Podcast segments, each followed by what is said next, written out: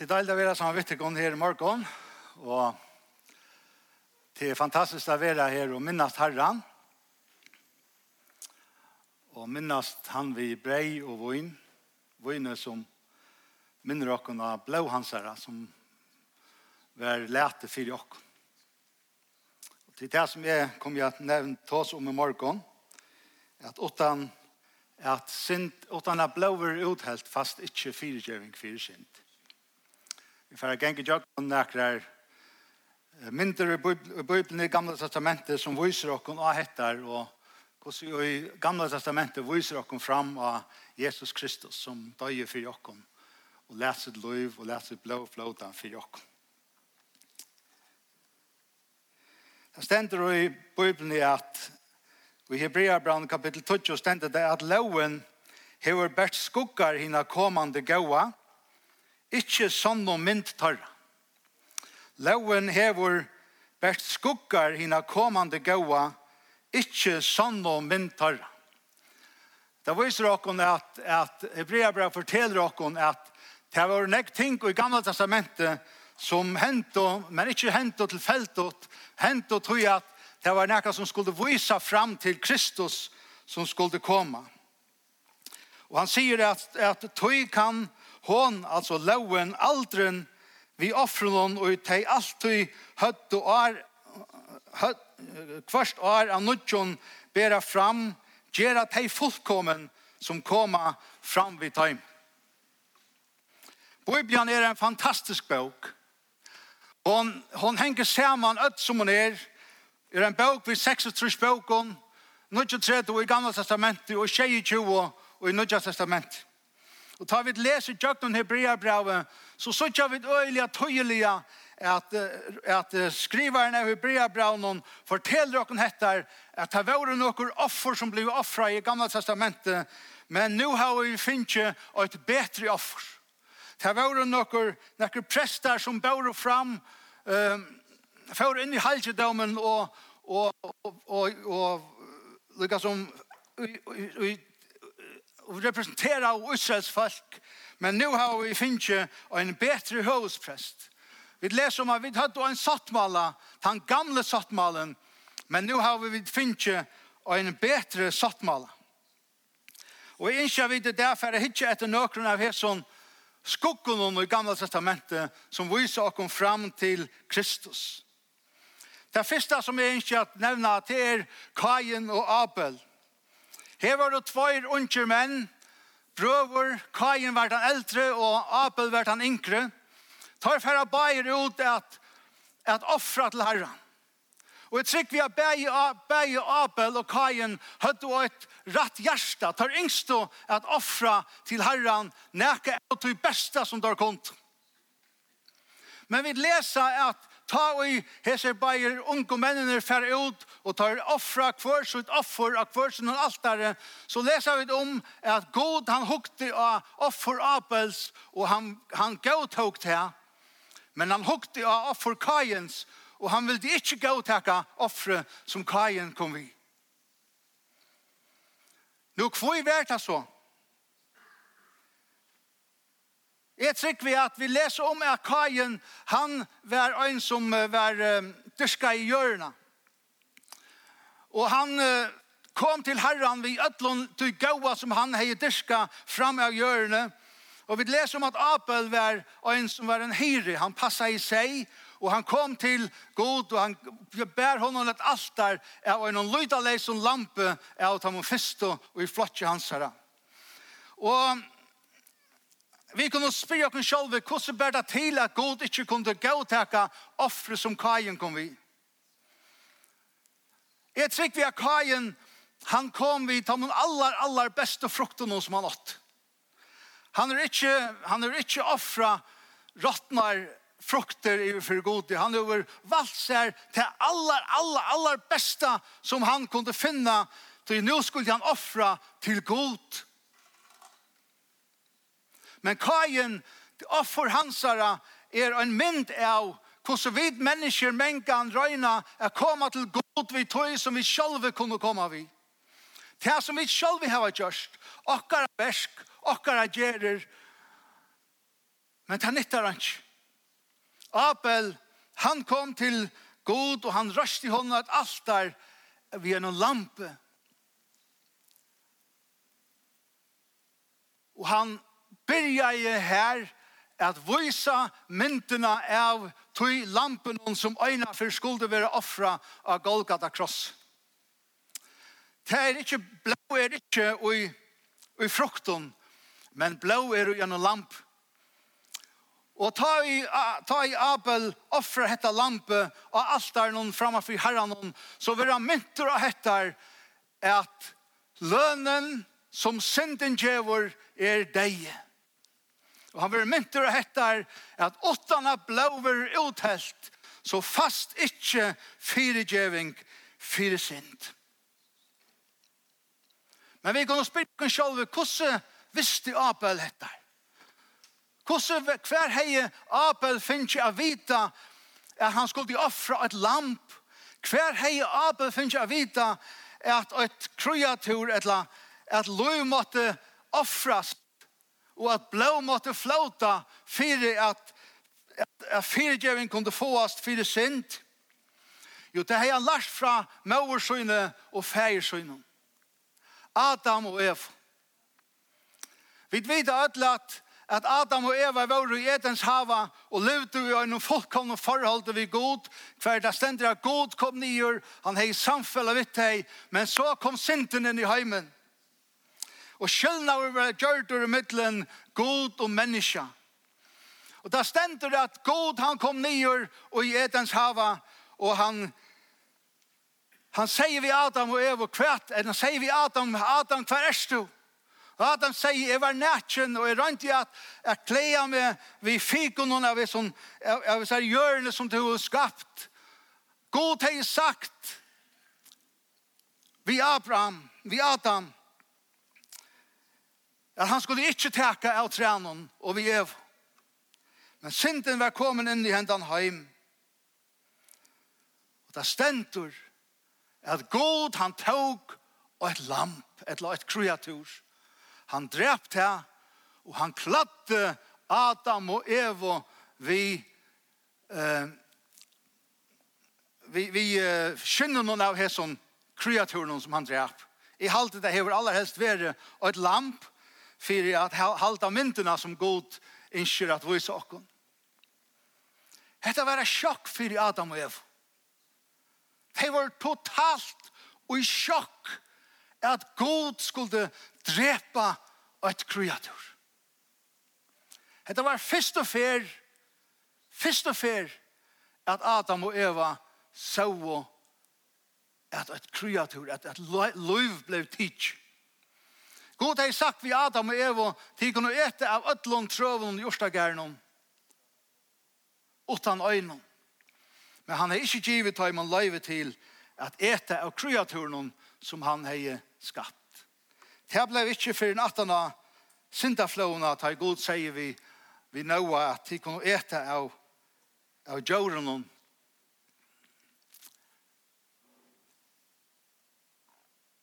Og atter her, så var Adam og Eva mynta hettar. At lønene synden djever er deg. Og utan at, synd, utan at blåver uthelt, så fast ikkje fyrgjøving fyrir synd. Religion er det som syndafull mennesker røyna at gjera fyrir en heilajan god. Men evangeliet er å ta gau og tøyendene om kvart og gjøre en heilavur god langt og hever gjørst fyrir syndige mennesker. Hetta er at Kain, han forstøyra i myndina av tog som god hei atlas er, at vurst gjøgt hun atlas skriftene om sonen Jesus Kristus som øyna for skulle komme som et fullkomna offerlampe til hei konsekvenser for Kajen Og god kunde ikkje gåtaka hans herre offer. Vi leser eisen hettar om Moses. Og jeg tidser akkurat vi her i morgen, som vi lykkes skulle hitje syndre på, om man har løtt eller nå, kanskje.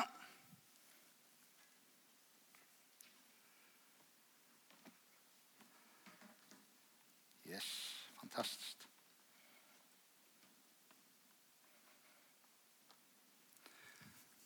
Hetta her er hetta her er staveren til Aron.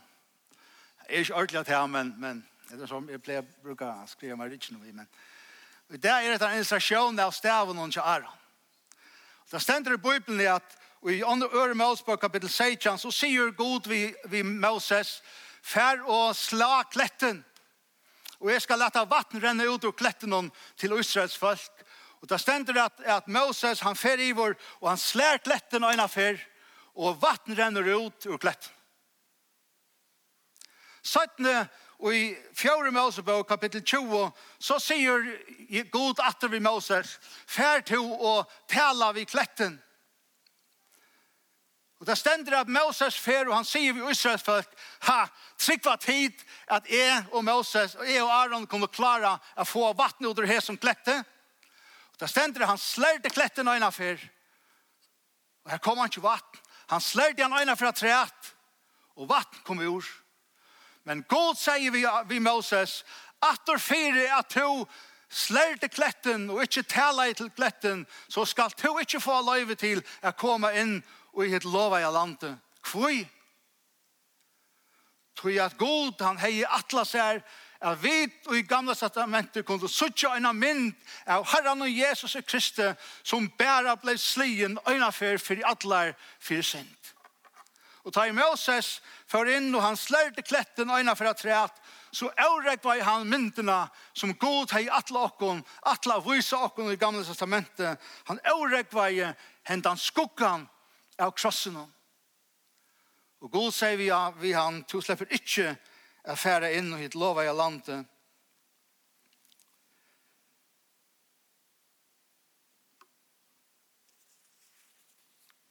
Så kommer vi til søvna om Abraham og Isak.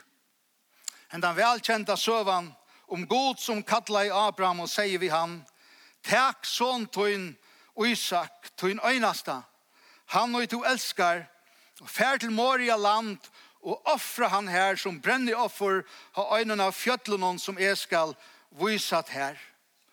Og så fer Abraham av sted morgenen etter vi uisakke og vi kjenner søvna, tar færa opp, tar genga nyan av fjallet her som Abraham skal offra sin øynasta son, sin øynborna son. Og som tar genga nyan her så sier Abraham Og hvis du leser sjøvene, så føler du kjenslene og gjør seg sjøvene. At, at, at Isak sier, pape, hver er offerlampe? Og du sørst at, at Abraham han sier, sånn er min. Og det er som om at det ikke bare en, en, en samtale og i middelen tvær menn, men det er en samtale og i middelen en feir som vet at nå skal han offre sin egna son den øyneste som han åtte.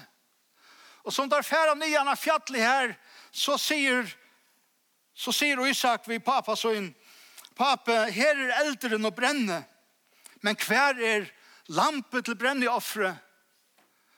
Og Abraham kommer her vi har noen svære, som er et profetisk svær. Det hoksa han kanskje ikke omta, men han sier så når, God skal sjølver sutja til.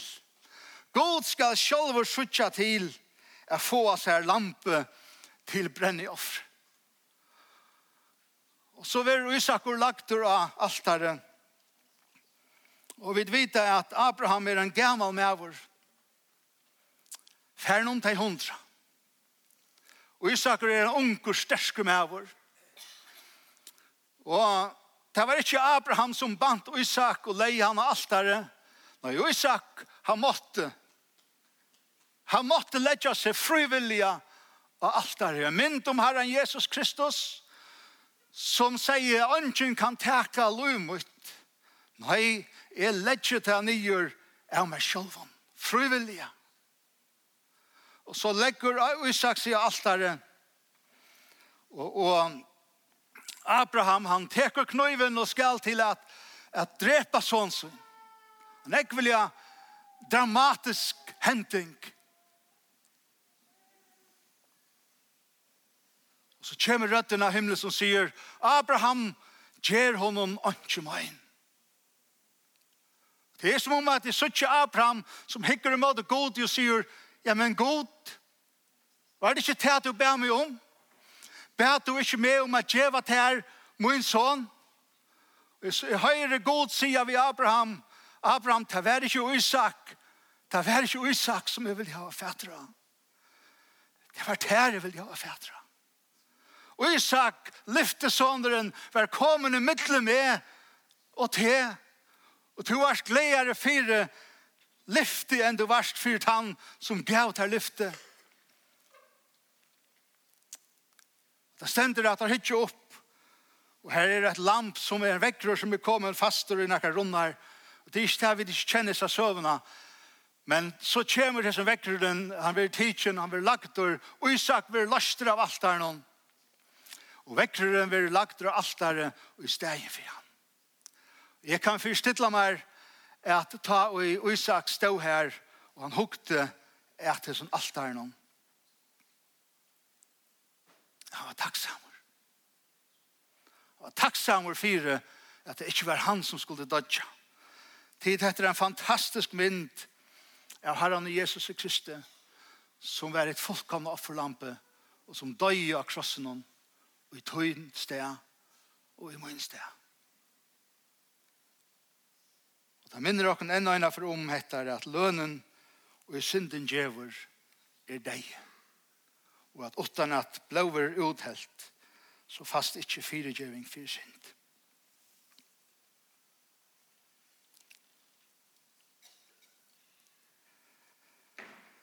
Så leser vi om Israels folk ta i teiv og i Egyptaland. Øystein kjent søve. Sender jeg god, han sier vi Moses at han skulle løye Israels folk ut av Egyptalandet. Og han gav dem en ekvelig grøyer instrukser på hvordan de skulle gjøre. De skulle teka et lydalest lamp. De skulle drepe etter lampet. Blåe måtte flåta. Og de skulle smyrja blåe av hesson lampe og dora stavnar utanfor husen i kjasse. Og God sier vi Israels folk, ta jeg suttje blå, ta jeg suttje blåe, så skal jeg leipa til konom. De kunne haft sett alt mulig annet utanför. De kunde haft klattora stavnar i vökrum diamanton. Men, men dess angelen hei færre inn i det huset og hei tidsi og drypet han fyrsta fødda ut i husen. De kunne haft skriva nekk vøker år om hva de hadde gjort for god og hvordan de elska og god. Men ikke at hun hei hjalt. De kunne enda haft tidsi og et løydalest lamp og sett det åttan fyrir horna og tankt at dette må være noe godt Men det var ikke noe godt, ty han sier, ta jeg så ikke blaue, så vil jeg leipa til kolon. Det var bare blaue som kunne få teg, som kunne bjerga teimen undan dømen som god han kom og han kom, som kom i vår Egyptaland. Og atter her var Israels folk mynt om etter at åttana blåver uthelt så fast ikke fyrgjøving fyr synd. Og at lønnen og synden gjøver er deg. Så var Øsret folk leit inn i et lova i landet, og vi leser om at God han gjøver dem om instrukser om hvordan de skulle offre offrene og altaren i for hånden og røykeren av kvarjon altare, og hver øynaste blåstråpe som rann av altaren, det var tusen av oss og millionavis av djauron som var offreie i Israel.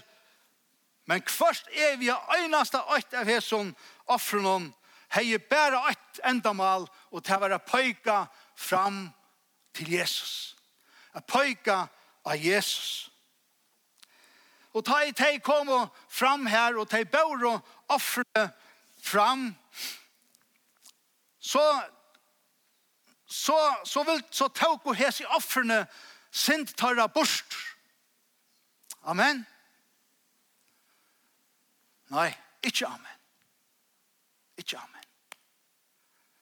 Det stender i Bibelen og i Hebreabran kapittel 20 at det er omøvelet. Det er omøvelet. Det er omøvelet at blå tarva og bukka kan teka bostor sintr. Så kan så spyrja, kvært vær dette så alt, kvøy skulle alt dette så offras, kvøy skulle alle hese djørene leta loiv, kvøy skulle alt dette blåe flåta, kvært vær enda maler vi hesum. Jo, enda malet vær hettar at hverja fer og Israels folk tei bære fram i offer, så visste de til at hetta kan ikkje teka bort og synder munar, men ta mynte dei av at lønnen og synden djevor er deg. Lønnen og synden djevor er deg. Lønnen og synden djevor er deg. Og at åttana blåver uthelt, så fast ikkje fyrirgjøving fyrir synd.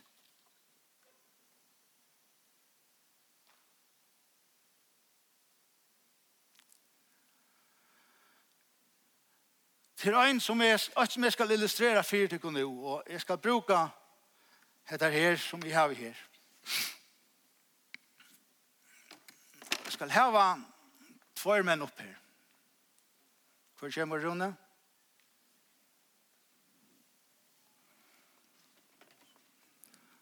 Ja. Og tar slipper å spille enklere det. Ja. Ja, tar er og enklere. Stille det her, stille det her. Her, her, akkurat her. Her spenner. Her, her, her, her, stilla det her, her, her, her, til, på en Så litt det hentene opp, til at gjøre det det som vi først, og halte hentene her på Og så hittar det nere i her. Tid, hette er en mynd av, av sattmål av ørsten. Vi satt med alle østene var en krukka ved manna som skulle minna Israels folk av hvordan god hei tidlig seg av dem. Her var stavur Arons som visste dem av til kraftene som god hei givet dem og til som han kunde bruka han ta det rett og stavene ut og Guds kraft virka i middeltarra. Og så var loven heter ikke loven, heter kjærbrettet, men men dette skal det illustrere lovtalvene som god har skrivet lover synere. Hese tingene våre i sattmale ørsene som ble kort inn til aller, aller høyligeste. Og det var bare en personer som fikk løyve til at fære inn til aller høyligeste, og det var høvesprester. Og ta og i høvdspresteren for inn ut det aller høyleieste, så, så, ikke ikke opp her, ikke hekk nere.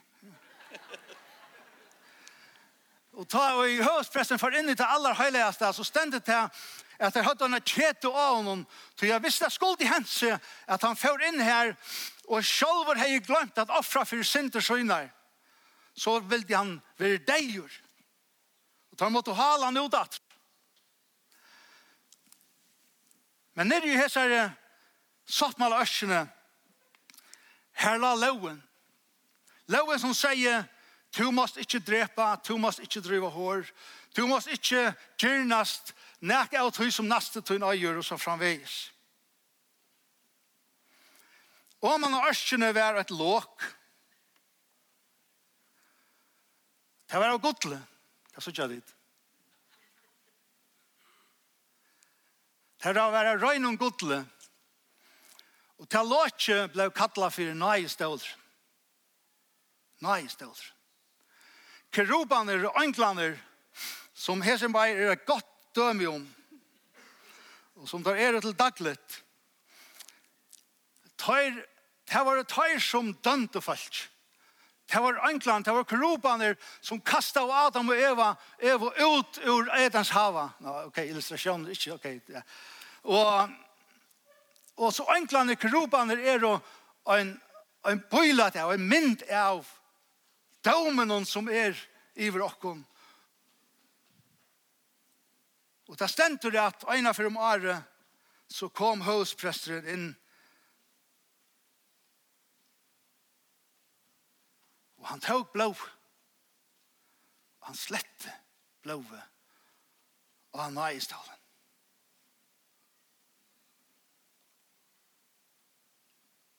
Så ikke det myndene. Englene tar hukt og nyr av lovene som sier «Tu skal ikke, tu skal ikke, tu skal ikke.» Og domeren var her. Men høvspresteren, han kom øyne for om året han slette blåve i middelen, god og lovene. Vær synden tidsen borster? Nei, synden var ikke tidsen borster. Men det stender at god som heier tål, han gøymte syndene. Han let ikke dømen komme i ved deg, til at øyne for skulde og en personer komme. Så er det standan og løtta træt.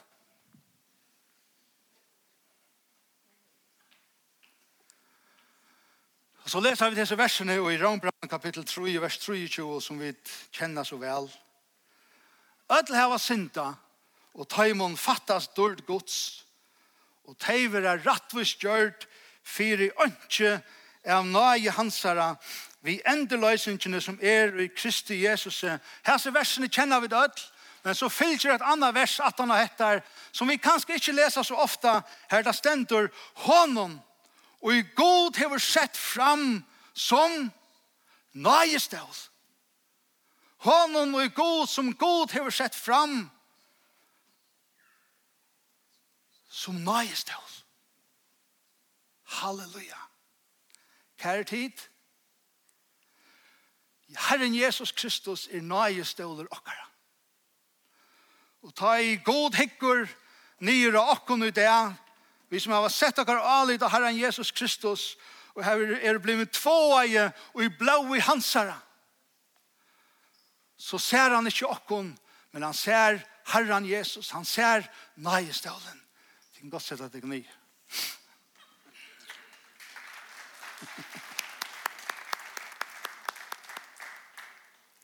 Og så sier han, for jeg viser rettviser syna, vi til at god og i lengt med oss synen hei haft tål vi synden og i avur våre gjørdar. Det stender i året at Satan han akærer okkon innenfor god. Jeg skiljer ikke ordentlig av Gustav Bertil at Satan skal ha en sånn etgångt innenfor god som Bibelen sier at han hever Det stender at han fer inn og han sier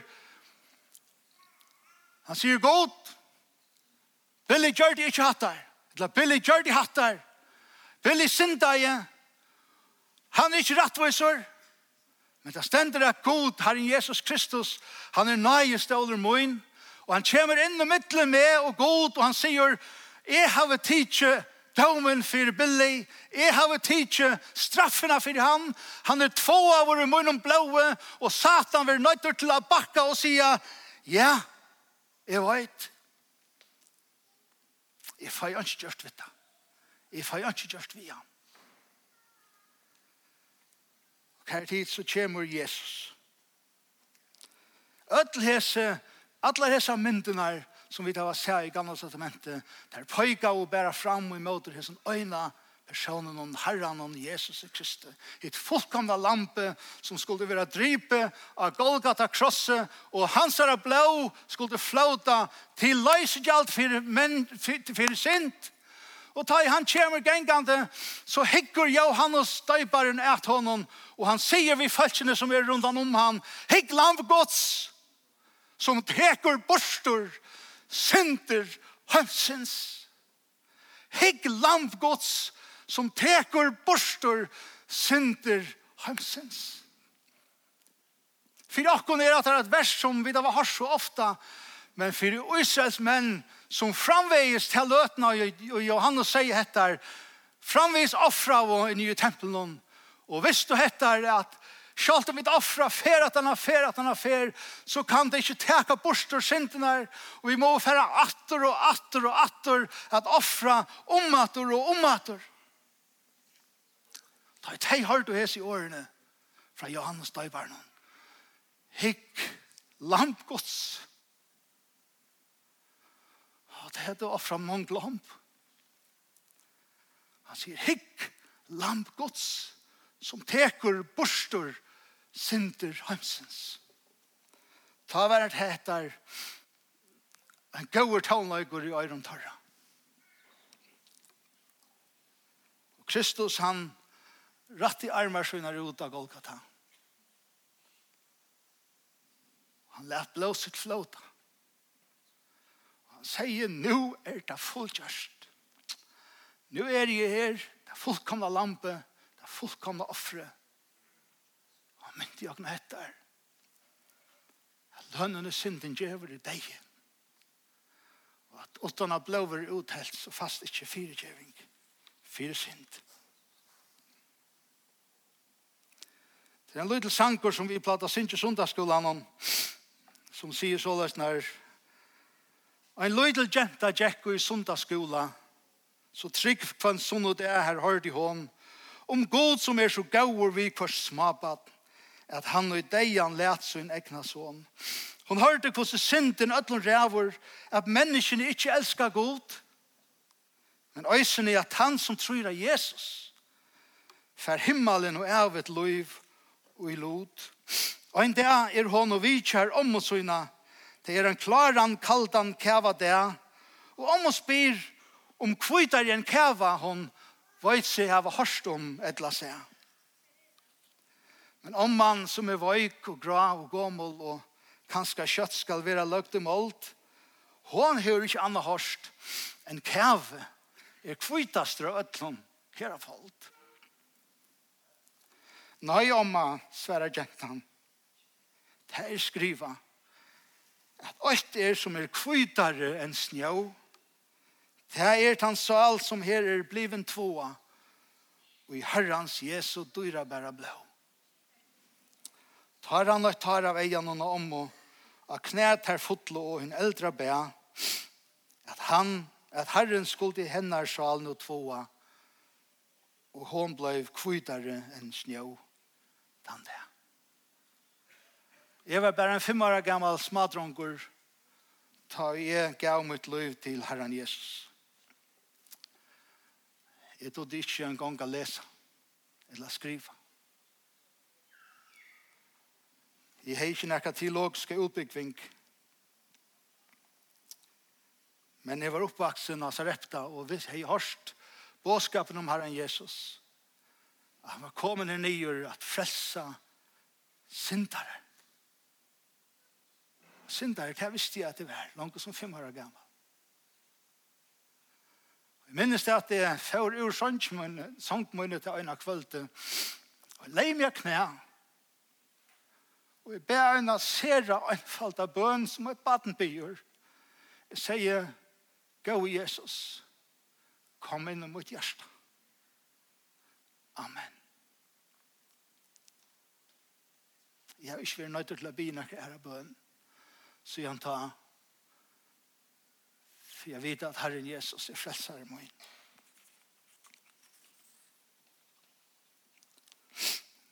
Og i dag så ljøver innbjøringen til tøyen. Begge vi som er her, og kanskje tid som hitja og i sjønvart nå tatt av er sent. Vi der ljøver innbjøringen til tøyen. Her Herren sier, kom, kom, let jeg kom tala saman om ratt, sier Herren. Om så synder tikkare er som skarlak, skulle det være kvitar som kaffe om det er som reier, om, om det er reier som puspor, skulle det være som kvitt utl. Er du rannsauer? Vi blå i Kristus her. Hev du tidsi med under honom. Hev du takka herran og Jesus i fire at han døye fire te og i tøyn sted og let blåe flåta som kunde være til ransan fyrir te.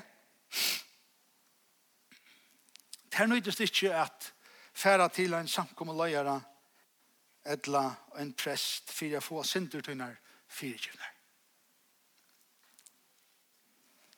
Herren Jesus, han er her just nu. Han vil rensa det. Han vil gjøre denne nødja byrjan. Han vil leta til få løyve til at Han kommer inn og rønsar synden her ur livet til innom. Han er her, hesa løtene. Han er til røyar at frelsa til. Om du kattler av navn hans her. tog og sier så det snar, at han, har en Jesus, han er rygur, nei, han er no rygur, for i teg, og vi kallar av ham.